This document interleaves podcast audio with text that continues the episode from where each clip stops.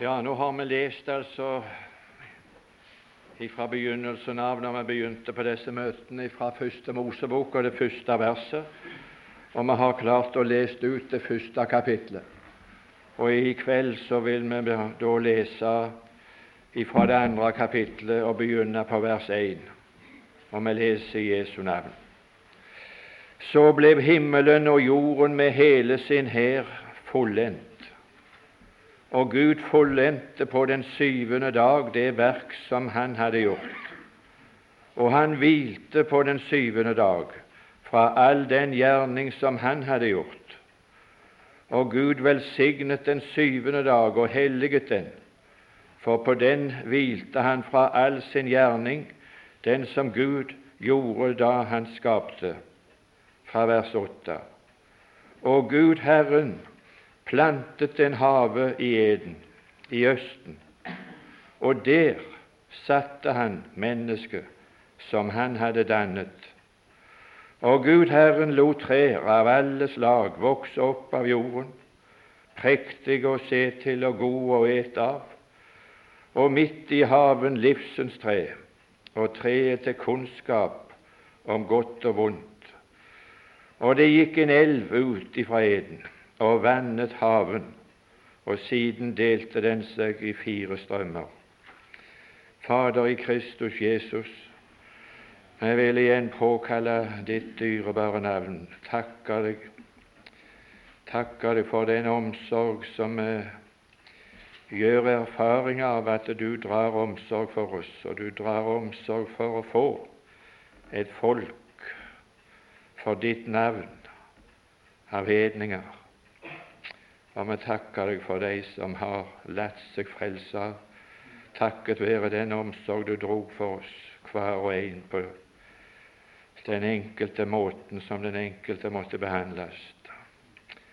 Ser du ennå noen som du drar omsorg for?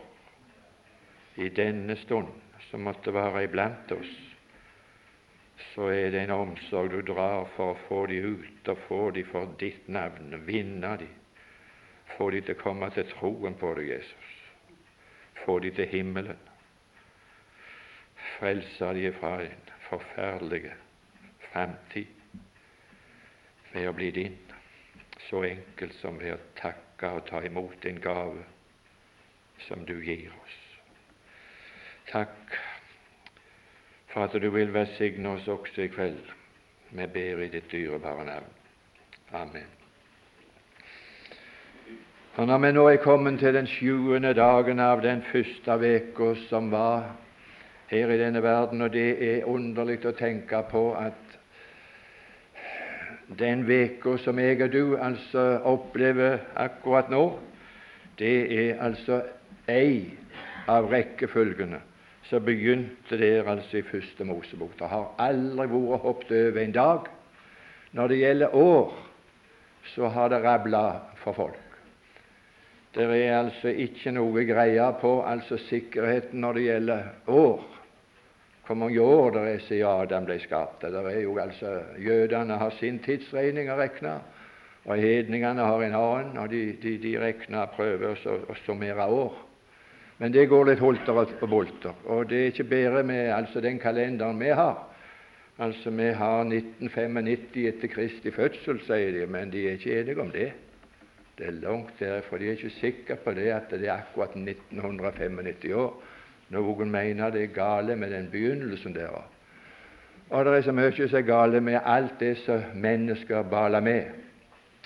Men altså når det gjelder inndelingen av tida i ei veke, så har det aldri vært kluss på ei eneste uke ifra Gud begynte den første dag.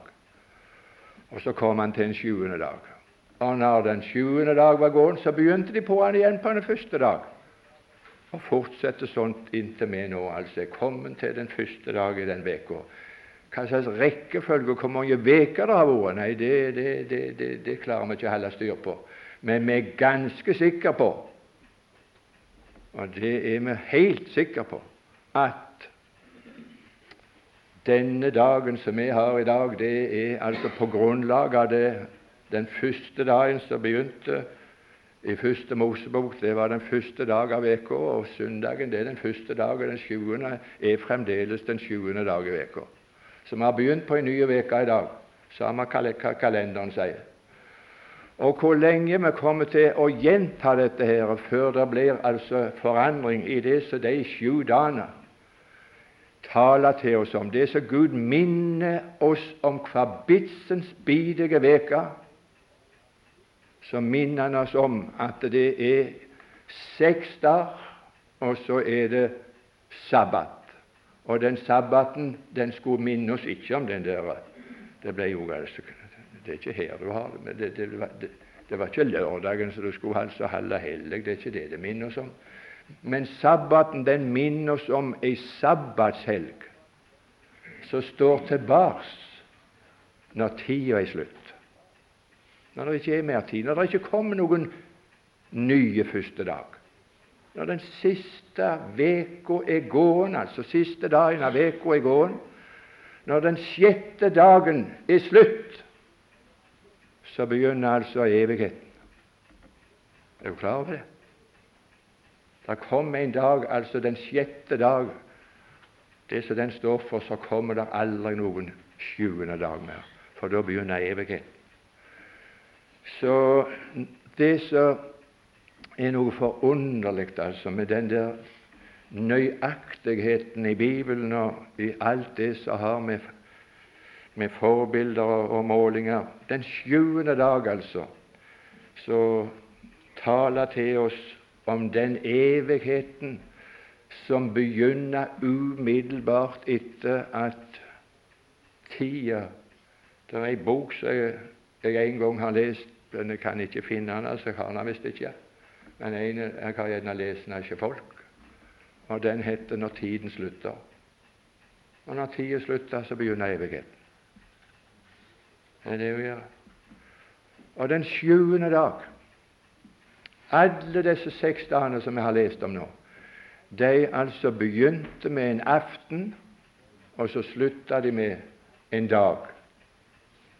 Men den sjuende dag, den har verken aften eller morgen. Den har ingen begynnelse, og den har ingen ende. Evigheten har ingen begynnelse og har ingen ende. Når tida er slutt, så begynner evigheten, og da blir det ikke aften, og da blir det ikke morgen. Da blir det ingen forandring. Det er altså Det var altså ett vers til han hadde lest fra Peter noe som er lova og prisa Gud for i forbindelse med håpet. Det var at Han har gjenfødt oss til et levende håp som består i en, en, en, en uforgjengelig og en uvisnelig arv. Altså Når vi når fram der, så når en fram til noe som er uforgjengelig. Og alt som har med tid å gjøre, alt som har med disse her, svarer til disse dagene å gjøre, det tar slutt. Vi liker det ikke. Vi liker ikke å tenke på altså, at det er slutt. Jo da, å hjelpe meg, altså. Det, det, det, det, er det eneste de snakker om. Ukeslutt, altså. Er, de kan ikke vente opp til det blir fredag og ukeslutt. Så det er saker som de, de, de, de herliggjør i, i, i, i, radio og fjernsyn og hendelsløse. Og, det står for, for alle folk, som holder de motet oppe når de svetter og strever og er på jobb. Å, det nærmer seg ukeslutt! Det er en herlighet, altså. Og det er for det altså at eh, Ikke at det er slutt, men altså de får seg en pause, da, så blir det en ny uke etterpå. Men det, jeg er ikke så sikker på at alle ville glede seg så skrekkelig til ukeslutt når det ikke blir noen, når det ikke blir noen nye dag etterpå sabbaten. Når det er ingen tid. Det er altså noe som står i forbindelse med muligheter av forandring. At det kan forandres. Når du kommer til evigheten, så er det ingenting som kan forandres og endres. Ingenting altså endrer seg. Så det du går inn i evigheten med, det blir du i all evighet. tid. Så lenge du er i tid, så kan det forandres. Så lenge det er tid, så, så kan du forandres ifra å være en vantro til å bli en troende. Men i evighet er det ingen forandring fra vantro til troende. Det er ingen forandring. Der er det stabilt. Ja, ja. Det, er ikke bare uforgjengelig, men det er altså uvisnelig. Tenk også, også at det er noe som er evig, hvor aldri herligheten faller av. Det er så smertefullt å se at alt det som er timelig, det som er forgjengelig, det som eldes Og her er det ikke så ganske få som begynner å eldes her altså i forsamlingen. Og herligheten den faller av etter hvert som er eldest.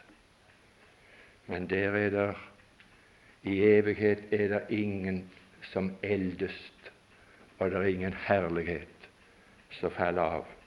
Det er altså det som denne sjuende dagen taler til oss om.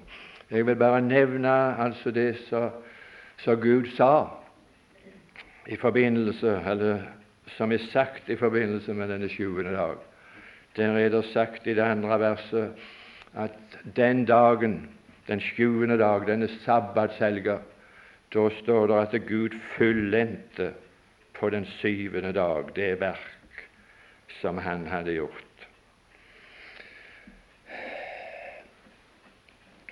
Lenger nede i det kapittelet som Karsten leser fra 1. Peter 1, der står det om, om når, når vi når fram til endemål for vår tro. Det er altså et endemål når, når, når Gud fullender det som Han begynte, og når Han fullender sitt verk, endemålet for vår tro. Og I Hebreabrevet så var det sagt i det ellevte kapittel, og det var sagt i det førtiende vers at uh, alle de som døde i den gamle tida, de oppnådde ikke fullendelsen. Og grunnen var det at ingen skulle nå fullendelsen før oss. Og det, det, det er en fullendelse som vil finne sted når tida er slutt. Jeg skal gjerne håpe på altså vi kunne hjelpe hverandre til altså å lese oss fram til det. For dette som jeg har prøvd å være opptatt med, det er å gjøre oss kjent med det som Gud har åpenbart av fortida, og det som Gud har åpenbart av nåtida, og det som Gud har åpenbart så Han ville så gjerne at du skulle kjenne til når det gjelder framtida, og når det gjelder evigheten. Og i evigheten skal Gud fullende sitt verk på denne måten. Da står det det andre Gud ikke bare fullendte på den syvende dag, men det står han hvilte på den syvende dag fra all den gjerning som han hadde gjort. Og Det var ikke fordi at han var trøtt av det han hadde gjort de seks dagene. Det kan du stole på, at Gud aldri blir trøtt. Så han hvilte ikke ifra noe legemlig eller sjelelig eller noen slags form for trøtthet. Det ordet betyr nemlig altså forskjellige ting. Altså Vi bruker det i, i, i hytt og vær. Men på den måten som Gud hvilte, det var at han avslutta. Han gjorde ikke noe mer. Han avslutta. Han hvilte. Han avslutta det verk som han hadde gjort og balt med da i seks dager. For det gjelder også for Gud at evighet kan ikke Gud gjøre noe for han. Forstår du? Jeg, er ikke sikker på om du forstår. Så lenge det er tid, så kan Gud forandre din tilstand. Han kan forandre deg ifra å være en vantroende til å bli en troende. Men det kan ikke Gud, altså i evigheten. For, for evighet er det ikke altså Det er ikke den ordning at noe kan forandres. Det er bare tid som gjør det mulig. Det er et privileg. Har du hørt noe så vanvittig snakk som folk snakker om tidsfordriv? Tenk altså å fordrive tida, som betyr at tid er muligheter. Og det er ikke muligheter bare for et menneske, men det er den eneste mulighet Gud har for å få deg frelst. Det er så lenge det er tid. For når det er blitt evighet, så må Gud avslutte sitt verk, det som han har holdt på med nå, ifra skapelsen av. Jeg kan ikke si noe mer om det heller. Det tredje det står om, om Gud i forbindelse med den sjuende dag, det var at Gud velsigna den sjuende dag. Og det må jeg si altså at det er noe spesielt som ligger i det der. Når det gjelder Gud sjøl, så står det i Romerbrevet det niende kapittel det femte vers og det siste delen av verset så står det at Gud er velsignet i evighet. Og så sier Paulus amen. Det er både sant og visst i alle måter, altså. Gud er velsignet i evighet. Men det som er altså det, det som er det store for oss, det er at denne sabbatskvilen, den står tilbake for oss. Den står tilbake for Guds folk. Og for Guds folk altså så vil altså evigheten bestå i å være velsigna av Gud i evighet. Han har velsigna oss i himmelen i Kristus Jesus. Mer burde det vært sagt om det, men det altså kan jeg ikke si. Men da altså har jeg sitert og siterer det og refererer hvor det står i Hebreabrevet det fjerde kapittel og det niende vers. Altså står der tilbake en sabbatshelg for Guds folk. Og skal jeg få lov å være så personlig før en forlater det der, og spørre deg hva står der tilbake for deg når evigheten opprenner?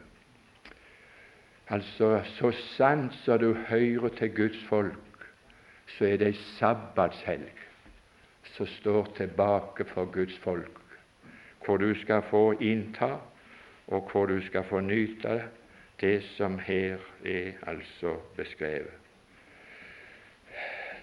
Det står tilbake. Det kommer til å stå tilbake inntil tida er slutt. Men det er etter tusenårsriket, så det er lenge før, før, før, før, dette skjer. Det er over tusen år til. Men det er ikke over tusen år til for hver enkelt å komme til, til dette vidunderlige hvilestedet. Det er i det øyeblikket troende mennesker oppgir pusten og forlater legemet, så er de hjemme i himmelen. Og ved bortrykkelsens dag så vil alle troende i samla flokk, og det vil skje Ja, det kan skje i dag. Det er det det kan. At alle rykkes i skyer opp i luften, og så er de i himmelen, i paradis. Og andre vil oppleve det i, i slutten av trengselen den neste periode, før tusenårsriket begynner, så de slipper å vente i tusen år. For det høres så lenge ut, altså, for oss. Tusen år. Men det er jo ikke så forferdelig lenge siden dette mirakelet som de holder på å feire, altså borti, borti på Bømla, altså for tusen år siden. Så det er ikke noe alvorlig alder, men det er jo flere generasjoner. Men eh, jeg skal iallfall for min del slippe å vente på, i tusen år før jeg opplever det.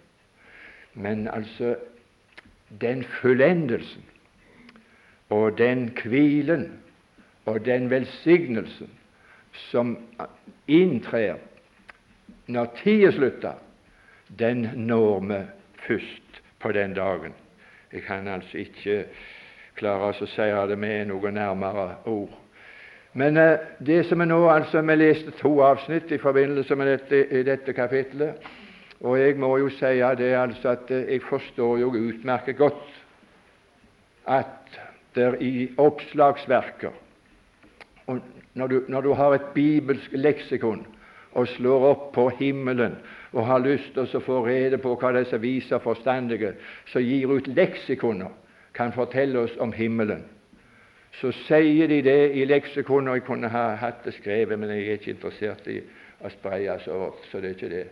Men altså, for å ha en, en sammenligning, så står det at de påstår det at Bibelen forteller ikke noe annet om himmelen enn det som det ikke er i himmelen.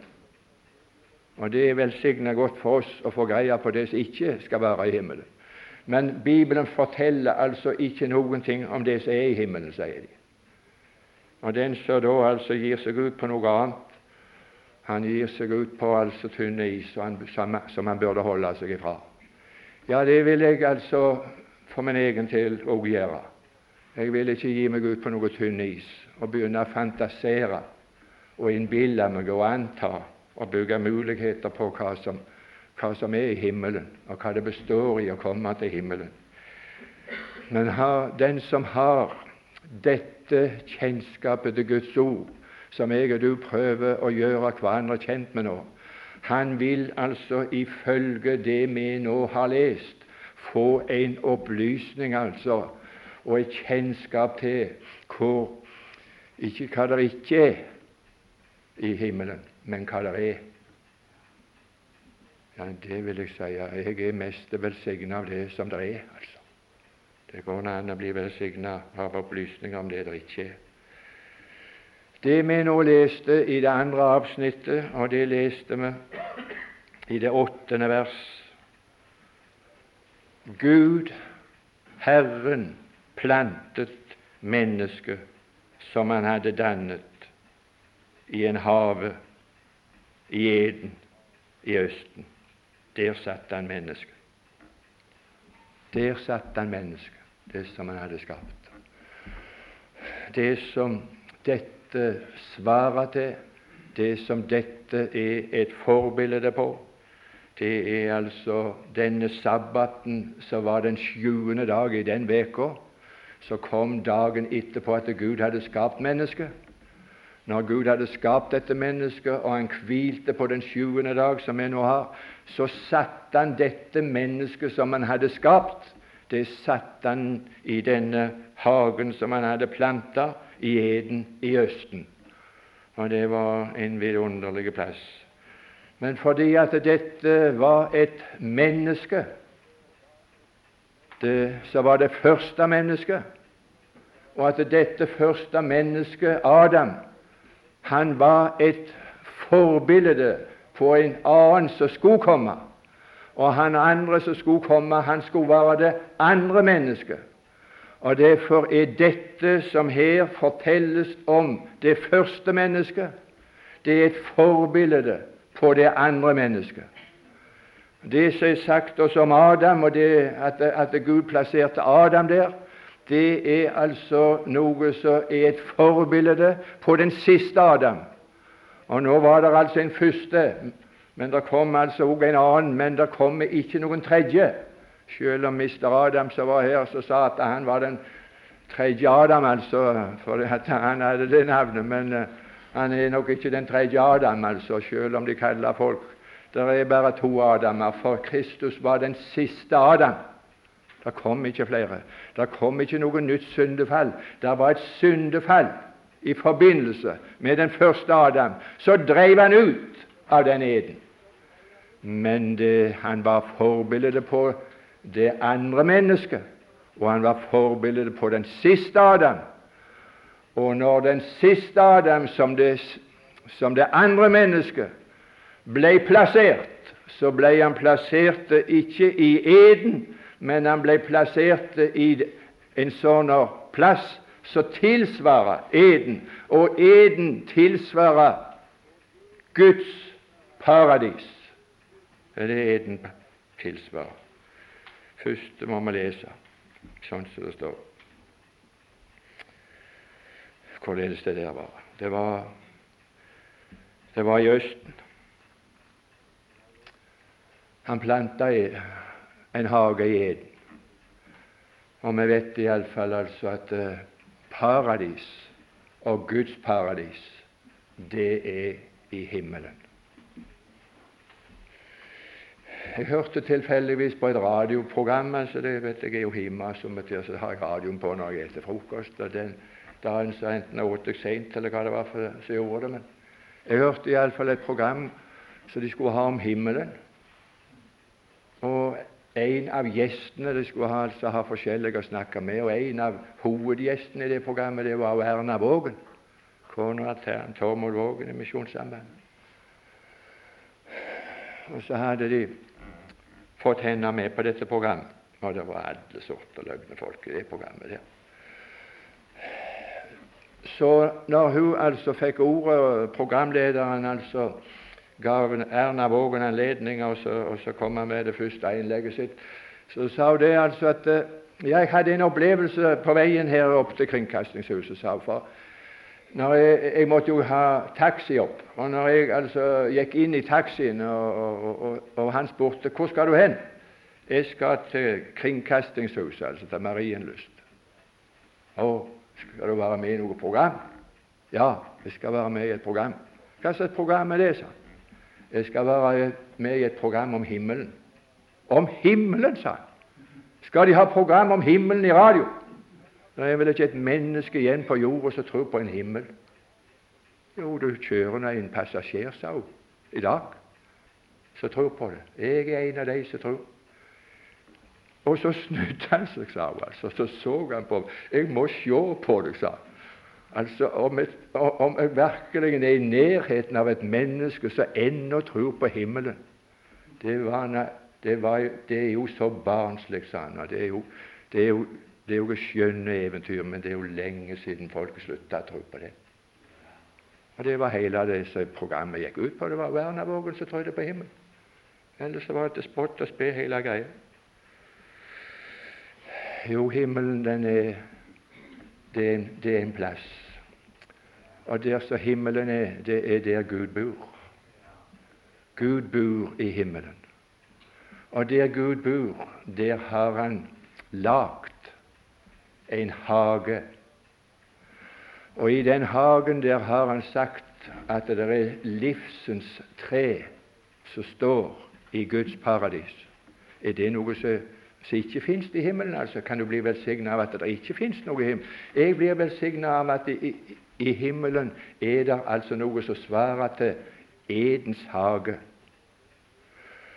Tusen ganger bedre enn Edens hage, for Edens hage altså, den gikk tapt. Det tapte paradis, det er folk altså opptatt med å snakke om og beskrive.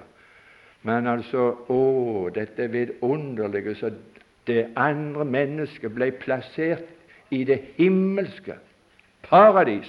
Eden har aldri hett paradis. Så hvem som har funnet på altså at det er det tapte paradis?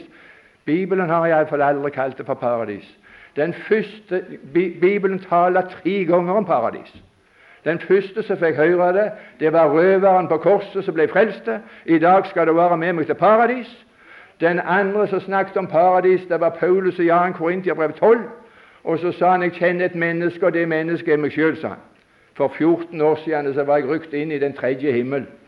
Og det, I den tredje himmel der var jeg i Guds paradis. Så han forteller oss om hvor Guds paradis er. Den var i den tredje himmel. Og Når du kommer til Johannes' åpenbaring, det tredje kapittel og siste, de to siste versene, så står det om menigheten. De som er Guds folk, som, som har en sabbatshelg som står tilbake, som skal plassere dem i Guds paradis de skal ete av livsens tre i paradis. Du store menn, altså. Det er det som står tilbake for Guds folk. Det er dette som blir himmelen for meg. Å få lov å komme til himmelen og oppleve at Gud setter oss i eden, ikke i eden, men i, i, i det som eden svarer til, til Guds paradis, den hagen Nei, du verden for en hage. En hage i Eden. Hvor det var trær som var prektige å sjå til, og som var vidunderlig god til å ete av. Gode å ete av. Ja, var det sånt altså i Eden, så kan du bare forestille deg når dette er forbildet av Når vi kommer til Guds paradis i himmelen, i den tredje himmel, så vil vi oppleve at der har Gud lagt det som han viste Abraham. Gud viste Abraham en stad som Gud hadde gjort ferdig for de troende. Gud har gjort ferdige en stad og en hage, et paradis, i himmelen for alt Guds folk. Det er det som står tilbake for Guds folk. Å komme til himmelen i Guds paradis. En lysthage. Og var det en lysthage, og det var en nytelse og var velbehagelig for Adam og Eva å vandre i Edens hage, så kan jeg iallfall forestille meg det er all verden, altså. At uh, det er som det står da i, i Peters brev, når denne lovsangen som var født av denne, denne Når vi når fram til endemålet for vår tro, da vil vi fryde oss med en usigelig og en herliggjort glede. Ja, du store all verden likevel, altså, jeg er ikke i stand til å si mer om deg. Der satt han iallfall. Og der var det ei elv i Eden. Det rant ut ei elv ifra Eden som vatna hagen, sånn at det kunne være frodig og godt. Og den, den elva som var i Eden, som gjorde denne hagen så frodig, den leser du om i Johannes' åpenbaring, det 22. kapittel og det første vers. Han viste meg en elv som rant klar som krystall med et innhold som heter livsens vann, da det kom ut ifra Gud og lammets trone. Stefanus, vi burde jo være i selskap altså med Guds folk og, og, og ha troens klare blikk på det usynlige. Og ikke ha det synlige på øya, men vi har det usynlige på øya, sier Paulus. Og når Stefanus skulle forlate denne verden, når det ikke var værende for lenge, når steinene hagla over, så sier han og roper det ut til dem Nå ser jeg himmelen åpen. Han så rett inn, og det kan du òg. Du ser rett inn. Vi ser himmelen åpen. Alle som hører til Guds folk, de ser himmelen åpen. Og der ser vi altså en sånn hage som han skal plassere alt sitt folk. En sabbatshelg som står tilbake for Guds folk. I det femtende vers av dette andre kapittel så står det Gud tok mennesket og satte ham i eden til å dyrke og vokte den. Og Vi har en beskrivelse i Salme 8 om mennesket som Gud gjorde lite ringere enn Gud.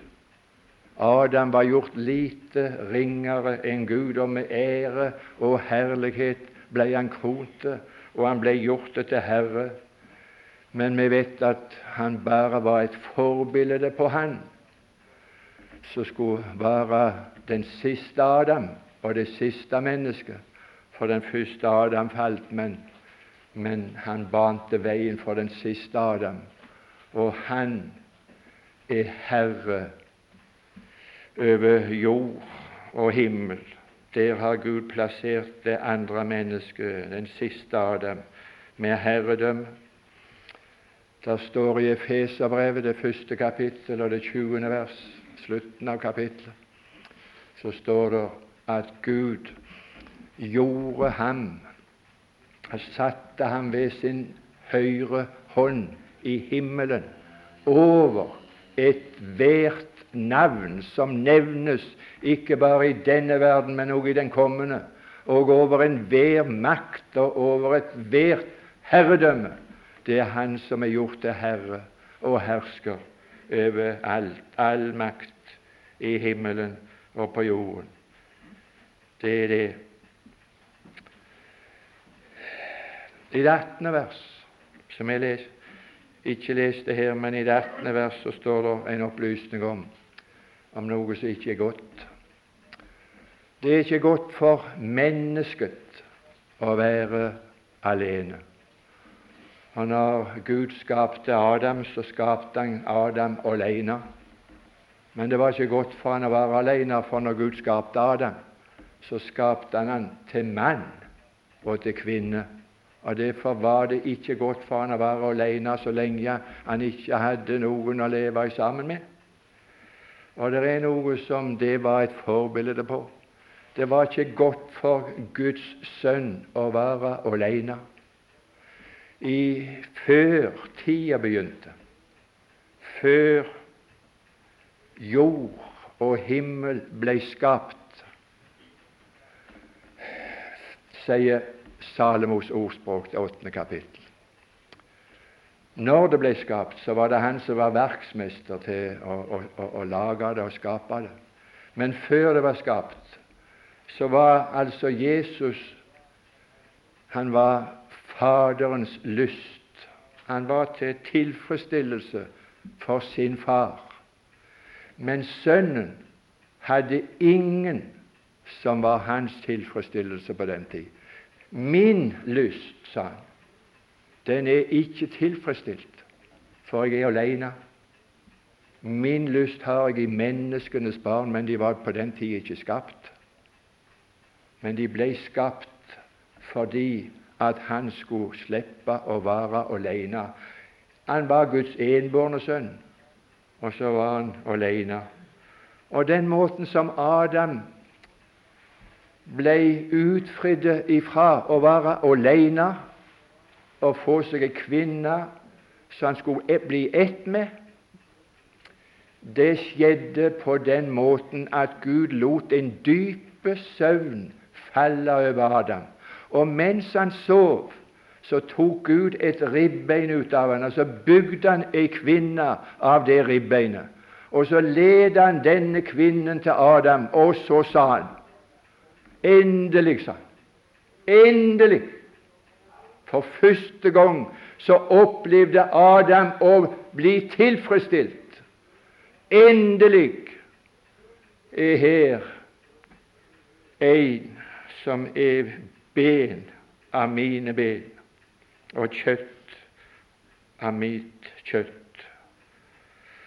De to, de skal være ett. Og når vi har altså dette referert til han som Adam var forbildet på, og som Eva var forbildet på, det har vi i Efeserbrevet, det femte kapittel.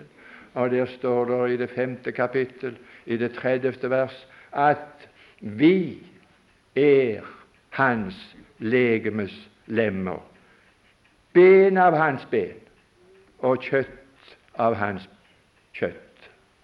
Så det, det var det han var bildet på. Kvinne. Kvinnen er av mannen, står det i 1. Korintiabrev 8 Du skjønner jo det at alt det vi leser nå og prøver å gjøre hverandre oppmerksom på, det er jo altså hull i hodet i vår tid. For vår tid er antikristelige. Vi er gjennomsyrte av gudsfornektende lære. Er du klar over det? Alt det som du leser, alt det du hører, det er gjennomsyrt av en Guds fornektelse. Og Da er det ikke rart at det står på hodet. Men altså det som Bibelen lærer oss, det er at kvinnen er av mannen. Når Adam ble skapt, så ble han skapt på den måten at Gud gav han, blåste livets ånde inn i Adams sitt nese, og han ble til en levende sjel. Sånn ble Adam skapt og kom til eksistens i denne verden. Men uh, Eva hun ble ikke skapt på den måten. Gud blåste ikke noe liv inn i henne. Hun fikk sitt liv av Adam. Og hvis det, menigheten, hvis troende, hvis du skal ha få liv, så må du få liv av den siste Adam. Og Jesus sa i Johannes 10.: Jeg gir dem evig liv. Og Adam han var i stand til å gi sitt liv til sin kvinne. Og sånt er det altså i systemet. Og sånt er det av Kristus, av den siste Adam. Av ham er vi. Og alt det med, det er med av ham. Alt det Eva var, det var hun av Adam. Alt det menigheten er, det er de av Kristus. Litt mer er det sagt om dette. Og det var at det var bare én person som kunne gjøre Adam tilfreds. Vi har allerede lest det. Der står det altså at eh, Eva gjorde Adam tilfreds. Han var utilfreds så lenge han var alene. Jeg kan jo, jeg kan jo mest forestille meg at det måtte være mest å bli hakkende gal av å gå her skvett alene. Bare det eneste mennesket, altså. Kan du tenke deg en sånn situasjon? Så han, han, han lengta seg jo i hæl dette selskap. Ikke med, ikke med apekatter, for det var det plenty av. Og det var all slags dyr. Men han fant ingen når han så, så fant han ingen som var hans make, som han kunne ha selskap med og ha samfunn med. Han var en enslig person, totalt alene. Og hvis ikke kveitekoddene, sa Jesus i Johannes 12, 24, hvis ikke kveitekoddene Og det har bare vært én person i denne verden som har hatt kvalitet av å være kveitekodden. Altså, eh, det er jo flere som har innbilt seg at de er det. Og det har de fått altså anledning til å få prøve seg. For Satan han, han er interessert i å få sikte oss som kveite. For det var det Peter sa. Jeg, hvis, hvis, jeg skal, hvis, jeg skal aldri fornekte deg. Jeg, skal, jeg, er villig å dø i lag med deg. Hvis du skal dø, så skal jeg dø. Så er du kveite, så er jeg kveite. Han mente det. Og så kom han i sikte, og så sikta han. Og så datt han igjennom akkurat så Han blåste bort som agner før han mest sette sikta i gang. Ja, det gjorde han. For det er bare én som er kveitekålen. Og hadde ikke han falt i jorda og dødd, så hadde han blitt alene i alle evigheters evighet. Men faller han som er kveitekåden i jorda og dør, så bærer det megen frukt. Og når jeg og du sitter her på bedehuset i dag, så er min frukt av hans død. Det er det vi er frukt av. Vi er tatt ut, altså, som Eva ble tatt ut og bygde og fikk sitt liv av Han som sov den dype søvn. Sånt er du tatt ut av Kristi død og Hans forsoningsverk. Jeg er ikke i stand til å si det, men du all verden, altså, når han opplevde det, å bli tilfreds. Du verden, altså, den dagen her i det kommende paradis, i Guds paradis, i den tredje himmel. Da skal han altså ja, han hadde jo vært hentende ved bortrykkelsens dag, så var menigheten Kristi, Kristi Guds folk, altså i den tidshusholdning vi, vi lever i, den ble henta ved bortrykkelsen. Og etter bortrykkelsen så var det rett til himmelen å holde bryllup. Og etter bryllupet så var altså menigheten blitt lammets hustru, og det fikk også Johannes se. 'Kom, jeg skal vise deg lammets hustru.' Så fikk han se hustruen. Og hustruen den fyller mannen altså på, på fot. For altså det var det som var sagt i bortrykkelsens øyeblikk. Da skal vi alltid være med Herren. Så er Herren en plass, så er altså kona, hustruen, med han. Og er han konge, så er hustruen dronning. Det er ganske enkelt. Og det er det, så, det, er det som Men den dagen Å, han skal gjøre det altså i tusenårsriket, men det, det tar jo slutt, det. Det er ikke uvisnelig. Det er ikke en herlighet som ikke faller av. Men altså den sjuende dag om sabbatshelga som står tilbake for Guds folk, da skal Kristus stille henne fram for seg sjøl i herlighet. Uten pletter, uten rynker uten noe sådant, ulastelig. Han skal finne en evig tilfredsstillelse i menigheten. Denne tidsperiode som begynte med pinsedag og så avsluttes med bortrykkelsen, det er den mest privilegerte tidsperiode i denne veka. For i denne veka så blir alle som lar seg frelse, de blir lagde til menigheten. Du blir den som vil bli Kristi brud og Kristi hustru og få plass som dronning og sitte med han på hans trone. Og du skal være den du skal være en av den som skal tilfredsstille Kristus i evighet, uten at det skal bli ende på det. Skal, du skal ha en herlighet som aldri faller av. Ja, ja. Vi skal altså slutte der med å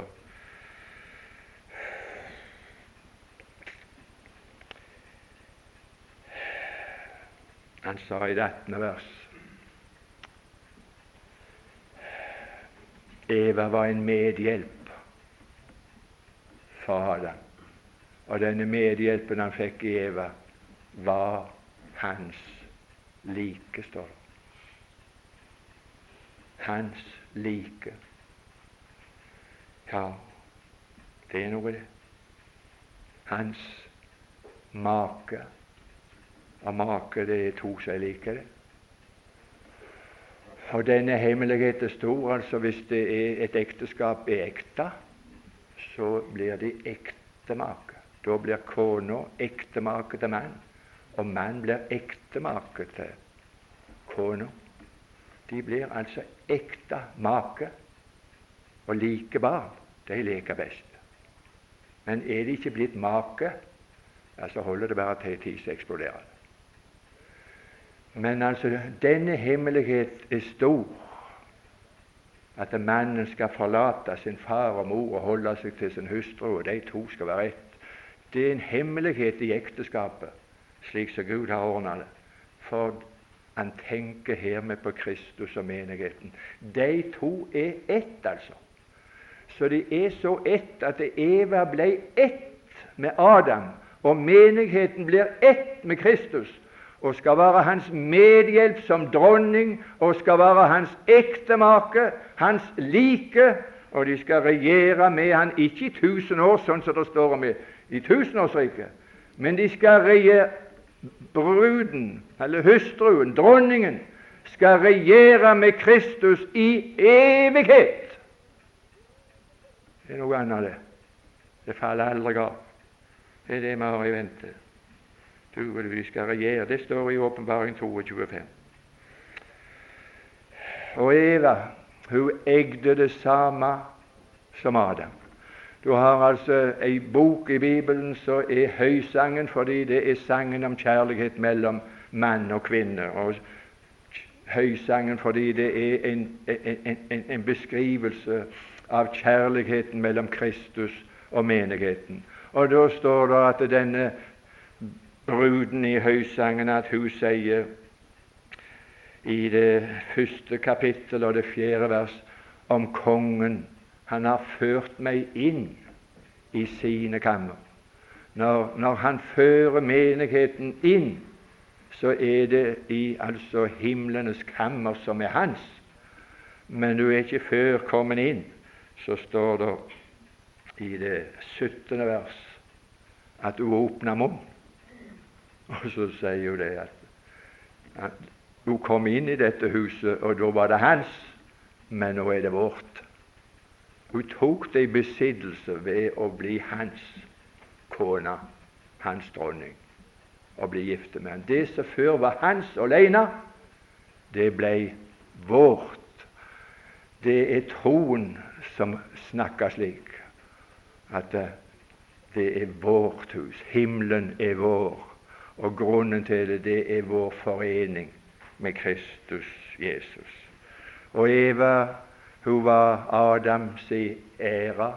Kvinnen er mannens ære, står det i 1. Korintiabrev 11,7. Og grunnen til det, det var at hun var av han. Og fordi at jeg og du er av Kristus Jesus, så er vi Hans herlighet til pris i evighet. Tenk, jeg skal være Hans herlighet til pris i evighet. Det skal aldri falle av. Dette, dette er ikke noe som ikke er i himmelen, så jeg blir velsigna. Men dette er noe som er i himmelen, og som jeg skal nyte, og som jeg nyter på veien til himmelen. Og som om ikke det skulle være nok, så, så står det i Bibelen at Eva hun hadde et begjær og en trang. Det var hvorledes hun skulle kunne tekke sin mann. Når det ikke gikk altså etter programmet, så vet vi hvordan det gikk.